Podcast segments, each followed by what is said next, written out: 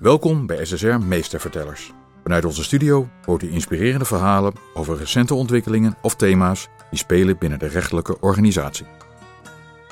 In deze aflevering is de gast onderzoeker rechtspleging Rijer Baas. Voor zijn promotie onderzocht hij de verschillen en overeenkomsten tussen meervoudige en enkelvoudige zaken. Met raadsier Tamara Trotman gaat hij in gesprek over de meerwaarde en de valkuilen van meervoud.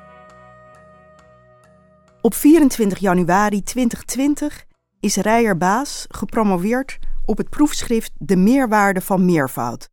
Verschillen en overeenkomsten tussen meervoudige en enkelvoudige rechtspraak, in het bijzonder in civiele zaken. Rijer Baas zit bij ons in de studio voor de podcast. Welkom Rijer. Dank je Tamara. Je hebt een mooi proefschrift uh, geschreven en je titel is De meerwaarde van meervoud. Is dat um, een gegeven? Is het altijd van meerwaarde als je in meervoud beslist? Nee, dat zou uh, te mooi zijn om waar te zijn. Uh, die meervoudige behandeling heeft inderdaad meerwaarde, maar die is zeker niet vanzelfsprekend. Er moet aan een aantal voorwaarden zijn voldaan om uh, echt te kunnen zeggen, ja, op deze manier kun je komen tot een beter oordeel door er met anderen over te spreken. Uh, het is zelfs zo dat er omstandigheden zijn waardoor uh, een meervoudig oordeel juist zwakker kan zijn dan een enkelvoudig oordeel. Dus uh, rechters moeten er ook in een meervoudige kamer op gespitst op blijven om scherp te blijven, om die valkuilen die erin zitten te weten te omzeilen. In welke gevallen um, is het een valkuil als je meervoudig beslist? Nou, een valkuil is bijvoorbeeld door te denken, uh, we staan er met z'n drieën voor, dus het hangt gelukkig allemaal niet van mij af. En uh, nou, als ik andere dingen ook moet doen, dan komt het er niet op aan dat ik in mijn eentje het hele dossier moet hebben gelezen. Of dat ik een mindere dag heb. Want er zijn ook anderen die uh, medeverantwoordelijk zijn voor de behandeling van de zaak en de uitspraak. En dat is ook zo. Je doet het gezamenlijk en je komt gezamenlijk tot een oordeel. Maar je mag er niet van uitgaan dat een ander zomaar de dingen die jij niet goed hebt gedaan of niet goed zult doen, gaat opvangen. Dat is echt een valkuil. En die moet je weten te uh, voorkomen.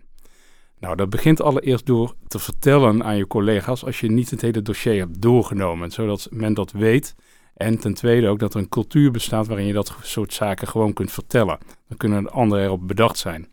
En andere is, uh, als je die schroom wel hebt om te vertellen dat je niet goed voorbereid bent of je dag nou eenmaal niet hebt, uh, om makkelijk mee te gaan in het oordeel van een ander, omdat je tenslotte niet zo goed ingevoerd bent op dat moment.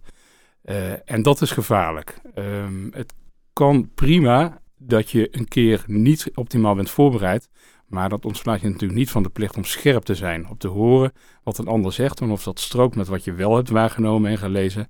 En om te denken, is dit nou logisch? Kan ik hier chocolade van maken? Voor je onderzoek heb je op een heleboel verschillende manieren, um, eigenlijk een heleboel verschillende methodes gebruikt. Je hebt gekeken naar uh, literatuur, uh, wetgeving, je bent naar zittingen gegaan en je hebt ook raadkamers bijgewoond. Um, dat is op zich best bijzonder, want die zijn op zich besloten. Um, kun je daar iets over vertellen? Wat is je daarin uh, opgevallen? Uh, het meest opvallende vond ik aan die raadkamer de vrije en open sfeer die er heerste. En ook uh, de, in mijn beleving het gebrek aan structuur dat er bestond. Ik had aanvankelijk het idee als newbie in die raadkamer dat een raadkamer meer leek om een vergadering. Dus met een formele opening en sluiting, een aantal stappen die je moet doornemen om tot een oordeel te komen. Maar dat was helemaal niet zo. Uh, in de raadkamers in civiele zaken die ik heb bijgewoond, uh, was het een open en vrije discussie die werkelijk alle kanten op kon gaan. Dus wat betreft de uh, vaststelling van de feiten, bevindingen over de zittingen en het dossier, gedachtensprongetjes, zaken die eigenlijk niet ter zake deden, emoties die af en toe geuit moesten worden, bouwstenen van een oordeel die opgeworpen werden en ook weer in, ingetrokken werden als de leden dachten: nee, dit slaat nergens op wat ik nu zeg, of ik ben het niet eens met wat jij zegt. Het ging in mijn beleving allemaal door elkaar. En dat is helemaal niet erg, dat is gewoon een bevinding die ik deed. Uh, in uh, een situatie waarin je vrij bent te uiten, kan ook iets moois ontstaan, zonder dat je ingeperkt voelt door allerlei kaders. Dus het is niet per definitie verkeerd. Het kan wel zijn dat je minder grip op de tijd die er beschikbaar is, Want de rechtspraak wordt natuurlijk geacht in binnen zekere uh, termijn een uitspraak te doen. Dus je hebt niet eeuwig de tijd om te blijven overleggen. Uh, en het kan ook zijn door een gebrek aan structuur of stappen, dat, je, dat bepaalde fasen uh, of elementen over het hoofd worden gezien. En hoe zou dat beter kunnen? Nou, een goede tip is denk ik als er wat meer regie op de zaak zit van uh, de voorzitter van de zaak. Dat hoeft niet per definitie uh, de meest ervaren rechters te, te, zijn natuurlijk. Het kan prima iemand zijn die in opleiding is en het vak nog weer meer moet leren. Maar die in de gaten houdt dat ten eerste alle leden van de raadkamer aan bod komen. Dus dat ze vertellen wat ze vinden over de zaak. Dat er daadwerkelijk geluisterd wordt naar hen. Dat er iets met hun informatie wordt gedaan. Um, dat ze in de gaten houden dat de belangrijkste argumenten en overwegingen voor de beslissing benoemd worden. Zodat de concipiënt weet, ook oh, op basis hiervan moet ik, het, moet ik de uitspraak gaan schrijven. En dan hoeven we later niet nog een keer uh, te raadkameren. En op die manier kom je, denk ik, ja, het beste een raadkamer uit. Um, aan het eind van je, van je proefschrift geef je de rechtspraak een aantal tips mee. En je schrijft daarin onder andere iets over meelezen. En um, een andere tip die je geeft is dat je zegt tegenspraak moet doelbewust worden georganiseerd. Is dat iets um, dat je kunt leren? Ja, de veronderstelling bestaat misschien, nou, als je een aantal mensen bij elkaar bent, zeker kritische mensen zoals rechters zijn, dat er dan vanzelf een discussie op gang komt en dat een tegenspraak gedaan wordt. Maar dat is te kort door de bocht.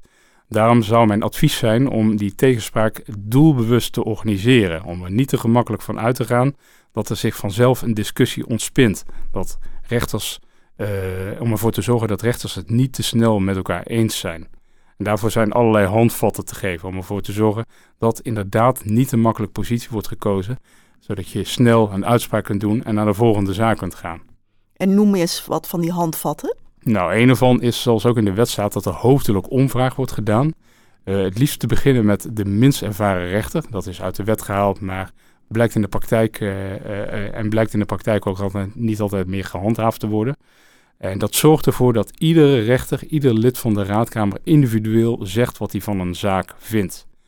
Een andere is als er een bepaalde overheersende mening, gedachte in de raadkamer ontstaat, om dan ervoor te zorgen dat er ook een tegengeluid gehoord wordt. Door, bijvoorbeeld door een lid van de raadkamer aan te wijzen die de zaak vanuit de andere kant gaat bekijken. Dat kan heel goed uitpakken. Je zou het kunnen denken aan een advocaat voor de duivel of door het uh, ontwerpen van een alternatief scenario. Zou de zaak niet zo kunnen liggen? Je schrijft uh, in je conclusie op een gegeven moment dat de inzichten van mensen die lang met elkaar samenwerken steeds meer op elkaar gaan lijken. En dat daarmee de kans op tegenspraak wordt verkleind. Dat is een intrigerende zin. Ja, die kans neemt inderdaad toe, omdat mensen elkaar dan beter kennen uh, een werkverhouding met elkaar hebben, of een relationele verhouding in de brede zin zou ook kunnen. Uh, en om met elkaar verder te kunnen, is het fijn als je elkaar goed aanvult en elkaar snel ligt op de een of andere manier. Je kiest over het algemeen ook vrienden die behoorlijk op jou lijken. En nou is dat helemaal niet erg als je het gezellig wilt hebben met een bepaalde groep. dat kan heel erg verbindend zijn. het zorgt voor een bepaalde eigen identiteit. Dus dat heeft allemaal belangrijke voordelen. Maar als het aankomt op waarheidsvinding en oordeelsvorming, dan moet je het hardgrondig met elkaar oneens kunnen zijn. Dus in de raadkamer moet je klip en klaar kunnen zeggen dat je het niet eens bent met een collega. Of ook dat je terug wilt komen op wat je zelf hebt verteld op je eigen standpunt, zonder dat je daarop afgerekend wordt. Men moet duidelijk voor ogen houden dat het gaat om waarheidsvinding en de beste beslissing. En daarom is het goed ervoor te zorgen uh, dat men hard op de zaak durft te zijn in de raadkamer en zacht op de persoon. Dus je kunt het hardgrondig oneens zijn en toch weer als vrienden, goede collega's uit elkaar gaan. Maar in je boek ga je ook uitgebreid in op allerlei valkuilen um, op cognitief niveau, zowel uh, collectieve oordeelsvorming als bij individuele oordeelsvorming. Psychologische mechanismen, groepsdruk, dat is ook een aspect waar je veel aandacht aan besteedt in je onderzoek. Waarom is dat belangrijk om daar iets van te weten? Nou, omdat ze zich zo ontzettend veel voordoen in de praktijk, is het goed voor professionele beslissers, zoals rechters zijn, weten dat ze bestaan. Want als je weet dat ze bestaan, kun je ze makkelijk herkennen.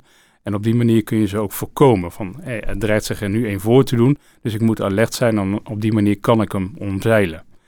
Um, die valkuilen die zijn er inderdaad uh, soms alleen als je in groepen functioneert. Maar soms doen ze zich ook voor als je alleen in je eentje een beslissing moet nemen. Nou, een bekende is uh, de neiging om op elkaar te gaan lijken in groepen, die we zojuist bespraken. Dat heet conformiteit. Dat schept een bepaalde band en een bepaalde aangename sfeer, hè? dus als je op elkaar lijkt. Maar dat kunnen we lang niet altijd gebruiken. Uh, een andere is die zich voordoet ook als je in je eentje een beslissing moet nemen, is wat confirmation bias wordt genoemd, of bevestigingsvooroordeel. Dat heeft ermee te maken dat wij allemaal een bepaalde blik van de werkelijkheid hebben, van personen, van zaken of gebeurtenissen. En als we eenmaal een standpunt in ons hoofd hebben ingenomen, dan is het onaangenaam om daar nog van af te wijken. Zo zitten wij nou eenmaal in elkaar. Dat kost wat energie en wat kracht. Desalniettemin is dat juist heel goed om wel te doen als je vindt dat er aanleiding is om daarvan af te gaan wijken. Dat is helemaal geen schande, dat mag gewoon erkend worden, want op die manier werkt de zoektocht naar de waarheid en de beste beslissing nou eenmaal. Als men dat niet doet, die professionele beslissers, dan kan dat uiteindelijk ertoe leiden dat je aan tunnelvisie gaat doen. Dat je alleen maar gaat argumenten gaat zoeken en vinden die aansluiten bij jouw visie. En dat je argumenten en uh, aspecten die daarmee in strijd zijn, afdoet als onbelangrijk, onbetekenend of helemaal niet benoemd. Die kans op tunnelvisie kun je verkleinen in de raadkamer door drie kritische professionals bij elkaar te zetten die alert zijn op die fouten. Het kan ook zijn dat die meervoudige setting juist tunnelvisie bevorderend werkt. Als iemand met veel gezag in de raadkamer zegt: Ik denk er zus en zo over. Uh, en er zijn andere leden die denken: Nou, die heeft zoveel ervaring, die heeft zoveel deskundigheid, of hij is mijn opleider, dat kan ook. Ik ga maar daarin mee, zonder scherp te blijven op de intrinsieke waarheid van wat gezegd is.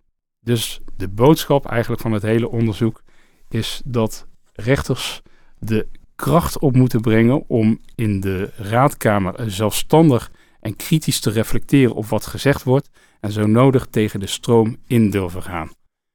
En de eerste die daarop moet letten is natuurlijk de voorzitter van de raadkamer, maar eigenlijk komt uh, die boodschap aan alle leden van de raadkamer toe. Je moet zelf durven zeggen wat je van iets vindt. Je moet vertellen als je het ergens niet mee eens bent. Uh, en voor ieder moet uh, de wil bestaan om je daadwerkelijk te uiten en je niet te makkelijk verschuilen achter het oordeel van anderen of de meerderheid. Dat lijkt me een mooie afsluiting. Dankjewel, Rijerbaas. Dankjewel. Dit was SSR Meestervertellers.